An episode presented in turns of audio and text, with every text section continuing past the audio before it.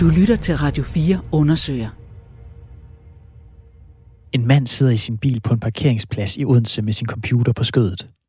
Det er vigtigt for ham at skrive ned, hvad der lige er sket. Jeg satte mig på passagersædet i, i bilen nede på parkeringspladsen og, øh, og skrev den her note med det samme, øh, sådan så jeg kunne huske ting, der havde det præsent. Også kunne huske præcis, hvad er det for noget ordlyd og sådan noget, fordi det kunne være vigtigt her. Han har lige konfronteret ledelsen i Søstre mod vold og kontrol med, at foreningens frivillige chef har truet ham i telefonen. Manden er forsker på Københavns Universitet, og på mødet har de aftalt, at foreningen ikke længere skal kontakte ham. I den situation, der var jeg reelt bange for, at der ville komme et modsvar øh, i form af medieballade eller et eller andet. Du lytter til Borgmesterens Søstre fra Radio 4 Undersøger. En serie om en paradoxal historie, hvor en toneangivende forening, der vil bekæmpe negativ social kontrol og vold, bliver anklaget for at benytte sig af nogle af de samme bøllemetoder, som de netop er sat i verden for at bekæmpe. Hun ringede simpelthen igen og igen og igen, og det var, det var simpelthen dagligt. Vi taler jo om, at øh, en af de absolut ypperste anerkendte islamforskere i Danmark til synligheden er blevet truet af foreningen, og hvis det er tilfældet, så er det jo ganske alvorligt. Det harmonerer ikke, at man skal bekæmpe negativ social kontrol. Man udøver den jo. Søstre mod vold og kontrol, som foreningen hedder, har modstandere, men rider ellers på en bølge af velvilje. For negativ social kontrol er for alvor kommet på den socialdemokratiske regerings dagsorden. En hver pige og kvinde i Danmark skal leve uden vold. Uden social kontrol. Foreningen har på få år formået at få millioner af offentlige kroner fra både stat og kommune til at modarbejde negativ social kontrol i Odense, og til at forsøge at udbrede deres koncept til hele Danmark.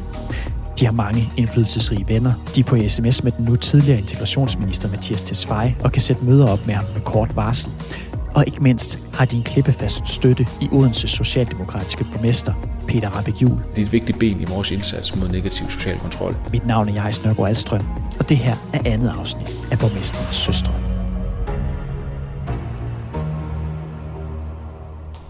Jeg vil lige fra starten sige, at i det her afsnit, der kommer du til at høre mig tale en del.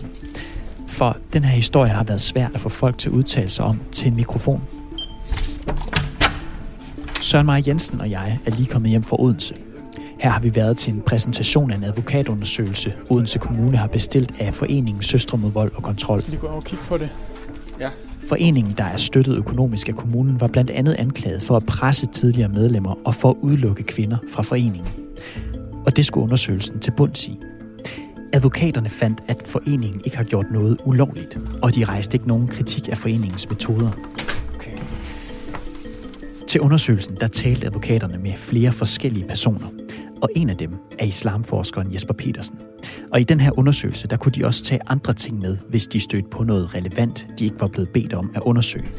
Okay, vil vi prøve at finde den der mail der, som vi har fået? Ja, to sekunder. Jeg åbner den lige på computeren, Ja. ja. vi alligevel sidder her ja. lidt mere overskueligt. Og vi kan se i en mailudveksling mellem Jesper Petersen og en af advokaterne, at der er noget, han har fortalt dem, der ikke er kommet med i deres undersøgelse. Han skriver til advokaterne bag undersøgelsen, jeg var usikker på, om du ville skrive om Kefas trussel mod mig. Og Kefa, det er jo altså Kefa Aboras, som er Ja. talskvinden og frivillig chef i foreningen. Du har været hele den her mailudveksling igennem, så det, altså, altså kommer de ind på det igen? Mere, hvad, hvad er det, der ligger i den trussel, eller hvad? Nej, der står ikke noget konkret om, hvad øh, truslen indebærer, så det kan jo være, ja, hvad fanden ved jeg? Så altså, vi bliver nødt til at spørge Jesper Petersen, hvad, hvad, hvad handler det om? Mm. Og vi ved også, at advokaten, hun har fået den her besked om, hey, der var en trussel mod mig, fordi hun skriver, at det er noteret. Men så skal vi jo have fat i ham, ikke? Jo, altså jeg ved ikke, jeg, jeg tænker måske bare, nu det ved at være fyreaften, at jeg sender en mail til ham i aften, og så må vi se. Jesper Petersen er ikke hvem som helst. Han er en af landets førende forskere i islam, og vi kan se, at hans forskning også har stor vægt hos dem, der arbejder med de her områder, hvor der er sammenstød mellem kulturer. I Odense Kommune har de for eksempel oprettet en enhed, der arbejder med negativ social kontrol. Og de siger sådan her om hans forskning i en video på Københavns Universitets hjemmeside. et, et, din bog, øh, Sharia Samfund, der er blevet en grundbog her i enhedens arbejde. Så Jesper Petersens forskning er altså vigtig for Odense Kommunes arbejde med integration. Den samme kommune, hvor Søstre mod vold og kontrol holder til at udføre deres arbejde med at bekæmpe negativ social kontrol. Nå. Jeg, Ja. Jesper Petersen, han, øh, jeg har fået svar fra ham. Okay. Altså, vil, vil han interviews, eller hvad? Så? Nej, altså det var jo det første, jeg skrev, kaldte det anmodning om interview. Han skriver, Jeg blev ringet op af advokatfirmaet Horten i marts vedrørende deres undersøgelser af søster mod vold og kontrol. Jeg har således sagt alt, hvad jeg har at sige om den sag. Derfor må jeg desværre sige nej til et interview. Jeg vil dog gerne besvare dine spørgsmål skriftligt. Nå. Okay. Hvad, hvad skriver han så om, om den her trussel? Altså, Det- hvad er det, der er sket? Det han skriver konkret om truslen, nu prøver jeg bare at læse det hele op. Mhm. I forbindelse med to udtalelser, jeg havde lavet til pressenævnet i foråret 2021, ringede Kefa i en periode næsten dagligt for at diskutere indholdet og konsekvenserne af disse udtalelser. Hun ønskede, at jeg skulle trække udtalelserne tilbage, og med tiden eskalerede samtalerne, indtil hun en dag ringede og truede mig med at i gang sætte en udskamningskampagne på sociale medier, hvis ikke jeg trak udtalelserne tilbage. Det var en længere samtale, hvor i Kefa uddybede og fremsatte sin trussel flere gange, hvilket fik mig til efterfølgende at gå til min tillidsmand og chef for at indberette sagen. Okay. Altså sådan en udskamningskampagne på sociale medier, altså hvad den indebærer, det uddyber han faktisk ikke, men det lyder da ikke. Ja, og pointen er, at hun vil have ham til at simpelthen trække en, en faglig udtalelse tilbage, som han har gjort i forbindelse med, at han er forsker. Ja, altså det må jeg antage. Det er to udtalelser, han har lavet til pressenævnet i foråret 2021. Men hvis, øh, hvis han har lavet udtalelser til pressenævnet, så kan vi også få agtindsigt i dem. Så ifølge Jesper Petersen er han altså blevet truet af talskvinden fra Søstre mod vold og kontrol, Kefa Aboras, på grund af nogle faglige udtalelser, han er kommet med. De her udtalelser de kommer i forbindelse med den artikel, Berlingske skriver om en islamisk skilsmissekontrakt. Artiklen beskriver, hvordan kvinden blev underlagt en række rigide krav, som ifølge Berlingske kunne koste hende forældremyndigheden, hvis hun ikke overholdt dem. Imamen, der har lavet skilsmissekontrakten, klager efterfølgende over artiklen til pressenævnet, hvor Jesper Petersen blev bedt om at komme med de to udtalelser som ekspert.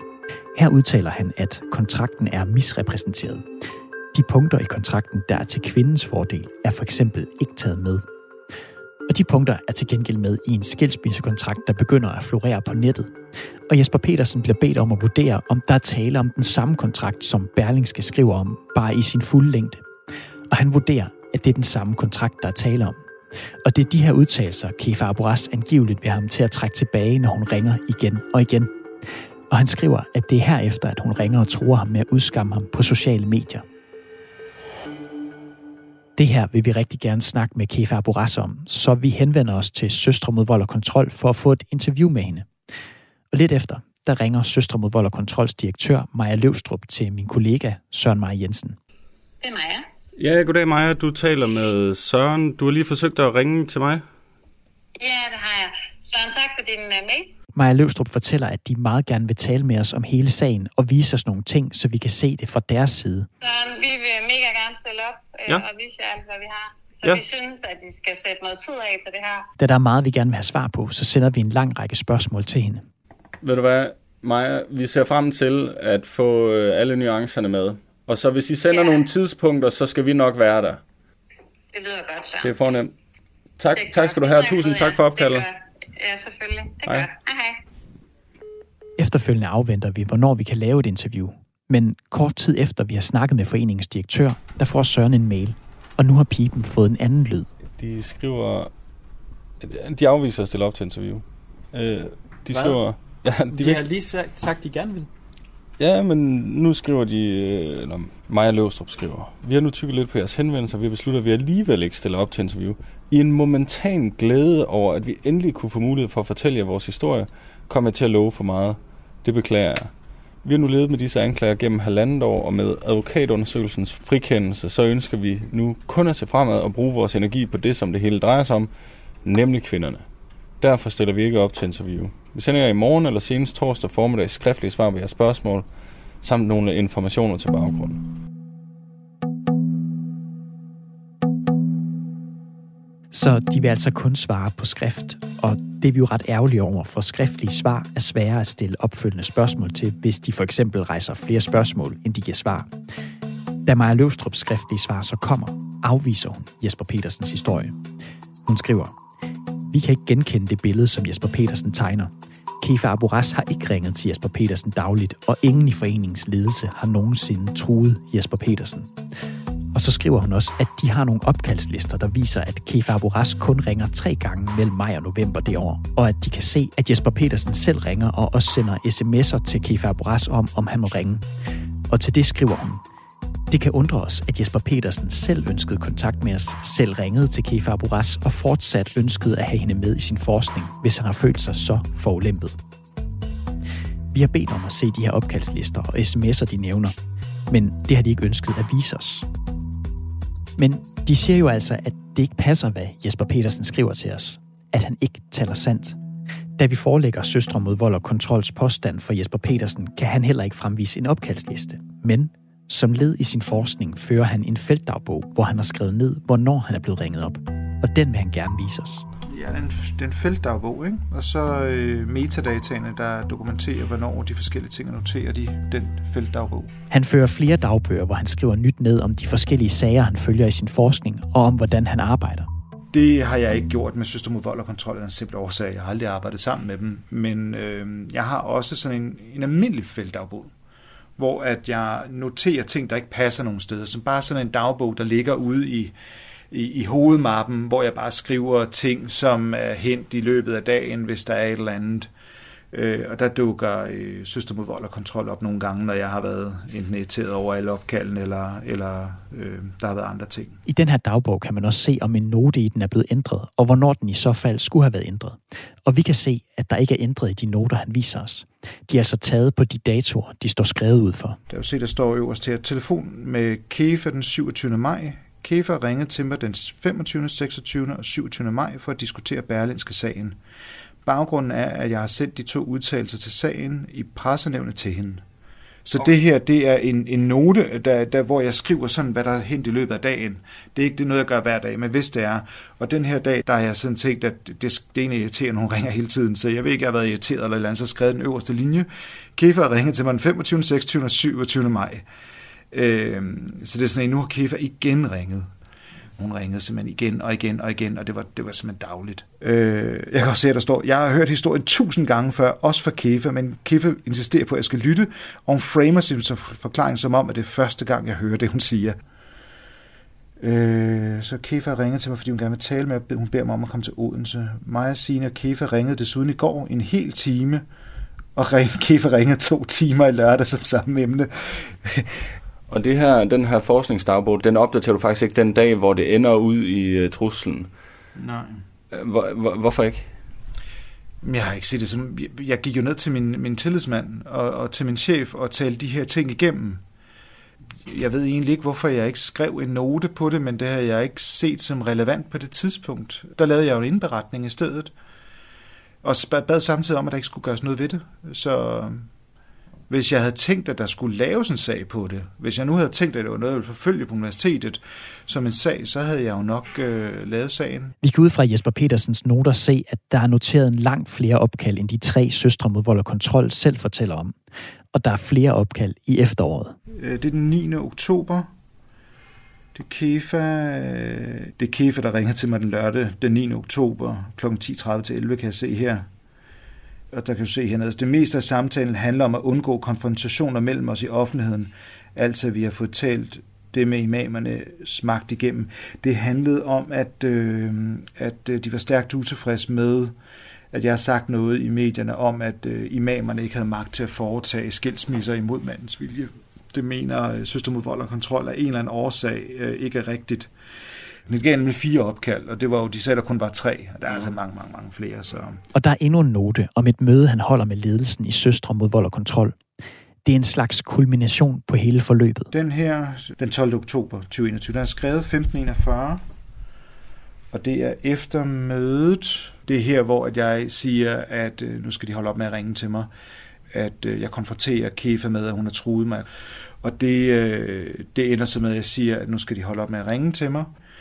Øh, og det er også derfor, at jeg så kommer ud, så det er vigtigt at få skrevet ned, så jeg kan huske det hele, og jeg har alle detaljerne.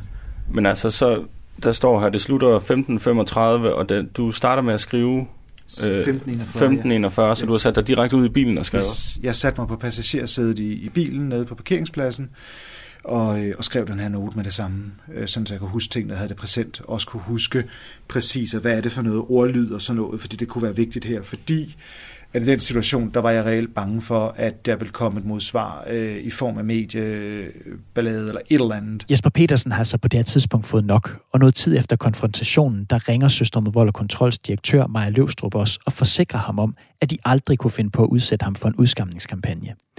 Og for Jesper Petersen, så er sagen lukket der. Det var første, da advokatundersøgelsen kom, og den gav mig enorme kvaler.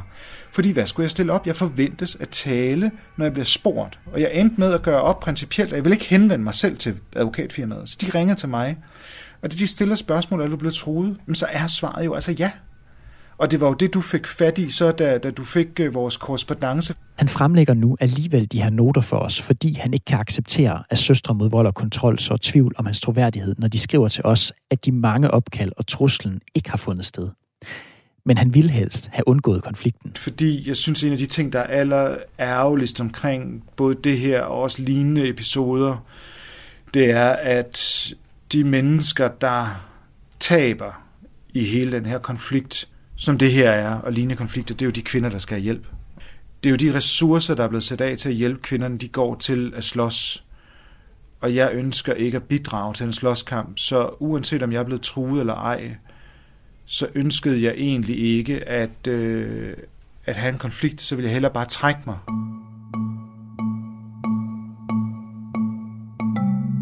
Som sagt har Jesper Petersen ikke taget note den dag, han siger, at truslen falder. Men han siger til gengæld, at han den dag går til sin tillidsrepræsentant og faglige chef for at orientere dem om sagen. De bekræfter begge forløbet over for os, og tillidsrepræsentanten Brian Arli Jacobsen siger også, at sådan en trussel skal tages alvorligt. Hvis det er ligefrem en, en repræsentant for en sådan forening, der øh, i en arbejdsmæssig sammenhæng siger noget, så er det jo selvfølgelig måske lidt mere alvorligt, øh, end, end når det er, det en privatperson, der fremsiger de her former for trusler. Og hvorfor egentlig? Altså... Ja, fordi at den person jo repræsenterer en forening, som med sin vægt og styrke jo kunne øh, være en mere alvorlig trussel end, end, end blot en privatperson. Øh, med den indflydelse og den vægt, en sådan forening eller institution, eller hvad det nu kunne være, har. Den her trussel er altså ikke kommet med i den rapport, der skulle undersøge Søstre mod vold og kontrol, selvom Jasper Petersen bekræfter over for advokaterne, at ja, han er blevet truet. De hørte ellers også om truslen fra flere kilder. Den ene var Jesper Petersen selv, og den anden var politibetjenten Elvia Abbas. Hvad, der, hvad har du der? Jamen det er referatet, som advokatfirma har sendt retur til mig. Han har i mange år været en del af lokalpolitiet i Voldsmose og har også arbejdet i Fyns politis forebyggelsesafdeling. Lige nu, der arbejder han i politiets vagtcentral. Det er et langt referat her, ser det ud til at være. Det er et meget, meget langt referat. Jeg synes, jeg har også nogle bemærkninger, som til sidst, som jeg synes var, synes var væsentlige at få med. I referatet af hans samtale med advokaterne, som advokaterne selv har sendt ham, kan vi se, at de har noteret, at Elvia Bas også har fortalt om truslerne mod Jesper Petersen. Her står, at Elvia har udtalt, at han på et tidspunkt møder Jesper Petersen, og Elvia siger, at han fortalte, at han var blevet troet af KEFA i forbindelse med pressenævnets sag om skilsmissekontrakten. Han er blevet terroriseret, hans ord, med opkald, hvor søstre mod vold og kontrol troede med at ødelægge ham, udskamme og udhænge ham på sociale medier. Og du siger så, at det, du har udtalt til mm. rapporten her, det kan du ikke selv finde det kan. repræsenteret i rapporten? Overhovedet ikke. Ærligt talt er jeg chokeret over det. Fordi, hvorfor skulle jeg interviews? Jeg kan ikke se det. Jeg, to timers interview. Elvira Abbas har også udtalt sig kritisk om foreningen, både offentligt og til advokatundersøgelsen. Og han er typen, der ikke lægger fingre imellem, når han sætter sig til tasterne. I sidste afsnit fortalte kvinden Heba Diravi, at hun oplevede at blive troet og presset af foreningens talskvinde Kefa Boras, der ville have hende til at trække sine kritiske udtalelser tilbage. Og lige netop den situation har Elvira Abbas skrevet en meget lang og meget kritisk Facebook-opdatering om tilbage, da hele sagen begyndte at rulle. Her kritiserer han også Søstre mod vold og kontrol for deres behandling af kvinden. Han fortæller også, at han har talt med to kvinder mere, der har oplevet lignende pres fra foreningen. Det røde tråd af alt det her er, at alle personer, der har kritiseret foreningen, er blevet bagvæsket og truet på en eller anden måde. Og det synes jeg, det synes jeg er dybt problematisk. Vi skal have lov til en forening, der får millioner. For Odense Kommune over Finansloven skal kunne tåle kritik skal man true en forsker til tavshed med social udskamning, fordi han har udtalt sig til pressernævnet? Det synes jeg ikke er fair. Elvi Abbas, ham kommer du også til at høre mere om senere. Men han er ikke den eneste, der undrer sig over, at truslen ikke er kommet med i den advokatundersøgelse, der skulle undersøge søster med vold og kontrol for urent trav. En anden, der undrer sig, er den konservative rådmand i Odense Byråd, Tommy Hummelmose. Hvis advokatfirmaet støder på andre forhold, som kunne være kritiske eller som skal belyses, så skal de altså øh, tage dem med i rapporten. Og jeg må sige, hvis en anerkendt forsker er blevet truet, så kan det næsten ikke betegnes som andet end en vigtig oplysning. Søster mod vold og kontrol får altså lige nu en halv million kroner om året i støtte fra Odense Kommune. Og efter vi her på Radio 4 har fremlagt truslen for Tommy Hummelmose, så melder han ud, at han vil have støtten fra foreningen fjernet. Vi taler jo om, at øh, en af de absolut øh, ypperste anerkendte islamforskere i Danmark til synlande er blevet truet af foreningen, og hvis det er tilfælde, så er det jo ganske alvorligt. På den anden fløj i byrådssalen undrer enhedslistens byrådsmedlem Reza Javid sig også over, at truslen ikke er taget med i rapporten. Vi har som udgangspunkt tillid til den her undersøgelse, men nu er der kommet de her nye informationer frem, og vi vil gerne få de afklaret. Altså, vi vil gerne have en forklaring på, øh, hvad det der gør, at de her forhold lige kommer frem i selve øh, undersøgelsen. Vi ville egentlig gerne have stillet opfølgende spørgsmål til Søstre mod vold og kontrol om den dokumentation, forskeren Jesper Petersen har lagt frem. De skriver dog til os, at de ikke har flere kommentarer. Men det lykkes TV2 Fyn at få et nyt svar fra dem. Det er også på skrift, men der er sket en forandring i deres udmelding. I starten skrev foreningens direktør Maja Løvstrup jo til os, at ingen havde troet Jesper Petersen. Men nu skriver hun sådan her til TV2 Fyn. Først og fremmest så vil jeg gerne sige, at vi selvfølgelig er meget kede af, at Jesper Petersen har følt, at dialogen med KEFA har været truende. Vi kan som forening selvfølgelig ikke leve med, at vores medarbejdere bliver opfattet som værende truende. Og så tilføjer hun også, at de nu kommer med et tiltag. De er gået i gang med at udvikle et adfærdskodex, som medarbejdere og frivillige i foreningen skal leve op til. Og hvis de ikke vil skrive under på det, eller ikke kan leve op til det, så kan de ikke være med i foreningen. Tilbage står altså, at forskeren Jesper Petersen siger, at han er blevet truet. Søster mod vold og kontrol vil indføre et adfærdskodex, men advokaterne, der skulle undersøge foreningen, har ikke taget truslen med i deres rapport. Og som vi fortalte i sidste afsnit, så har den her forening lige fra starten nyt stor opbakning fra den socialdemokratiske borgmester Peter Rabbit Jul. Vi har en masse spørgsmål til ham om hans involvering i foreningen, og selvfølgelig også om, hvad han siger til, at en islamforsker fortæller, at han er blevet truet af foreningens talskvinde Kefa Aboras. Og vi vil også gerne høre, hvad han siger til, at Horten ikke har taget truslerne med i deres rapport. Da vi prøvede at stille ekstra spørgsmål til ham ved præsentationen af rapporten, der fik vi at vide af borgmesterens sekretariatschef, at vi måtte bede om et nyt interview. Det hørte du også i sidste afsnit. Det lød sådan her. Du har jo langt mere omfattende materiale, og det vil vi meget gerne stille op til at spørge og svare på. Så vi anmoder om et interview og skriver en lang række spørgsmål, vi gerne vil have svar på. Men han afviser at stille op. Men vi får da nogle skriftlige svar. Her er mailen. Altså i forhold til det der om truslen, der skriver han, Helt generelt mener jeg, at vi i alle livets forhold skal indgå i dialog og samtale frem for at bruge trusler. Og så skriver han så også, men jeg kan ikke kommentere på ovenstående, når jeg ikke er bekendt med det fulde billede af den pågældende episode. Han tilføjer også, at han har fuld tillid til advokatfirmaet Horten og til deres vurdering af, hvad der har været relevant at tage med i deres rapport. Efter to dages pres, der vælger borgmesteren så at stille op i TV2 Fyn og her der støtter han endnu en gang fuldt op om foreningens søstre mod vold og kontrol. Advokatundersøgelsen jo har, har alle jo kunne haft adgang til at tale med anonymt, øh, og på baggrund af alle de input, de har fået, de har også taget de sager, de har kunne kende fra medierne af og undersøgt. Der vurderer de, at vi trygt kan støtte øh, foreningen. Så det, der står tilbage, det er jo at bedømme foreningen på deres øh, resultater, og dem har de altså leveret indtil videre. Peter Jul afviser altså endnu en gang kritikken af foreningen. Men forskeren Jesper Petersen er ikke den eneste, der er kommet på den gale side af foreningen Søstre mod vold og kontrol. Som jeg nævnte, så har politibetjenten Elvia Abbas udtrykt sig meget kritisk om foreningen. Og det fører til, at hans arbejdsgiver får en klage fra foreningen over Elvia Abbas, hvor de blandt andet skriver, at han modarbejder kampen mod negativ social kontrol.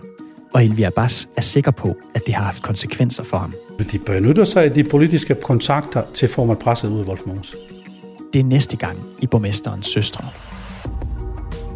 Det her var andet afsnit i serien. Redaktør er Irene Nørgaard, og programmet var tilrettelagt af Søren Maja Jensen og af mig. Jeg hedder Jais Nørgaard Alstrøm. Hvis du kunne lide, hvad du hørte, så del det endelig med dem, du kender. Og hvis du ved noget om historien, så kan du kontakte os på tip radio4.dk.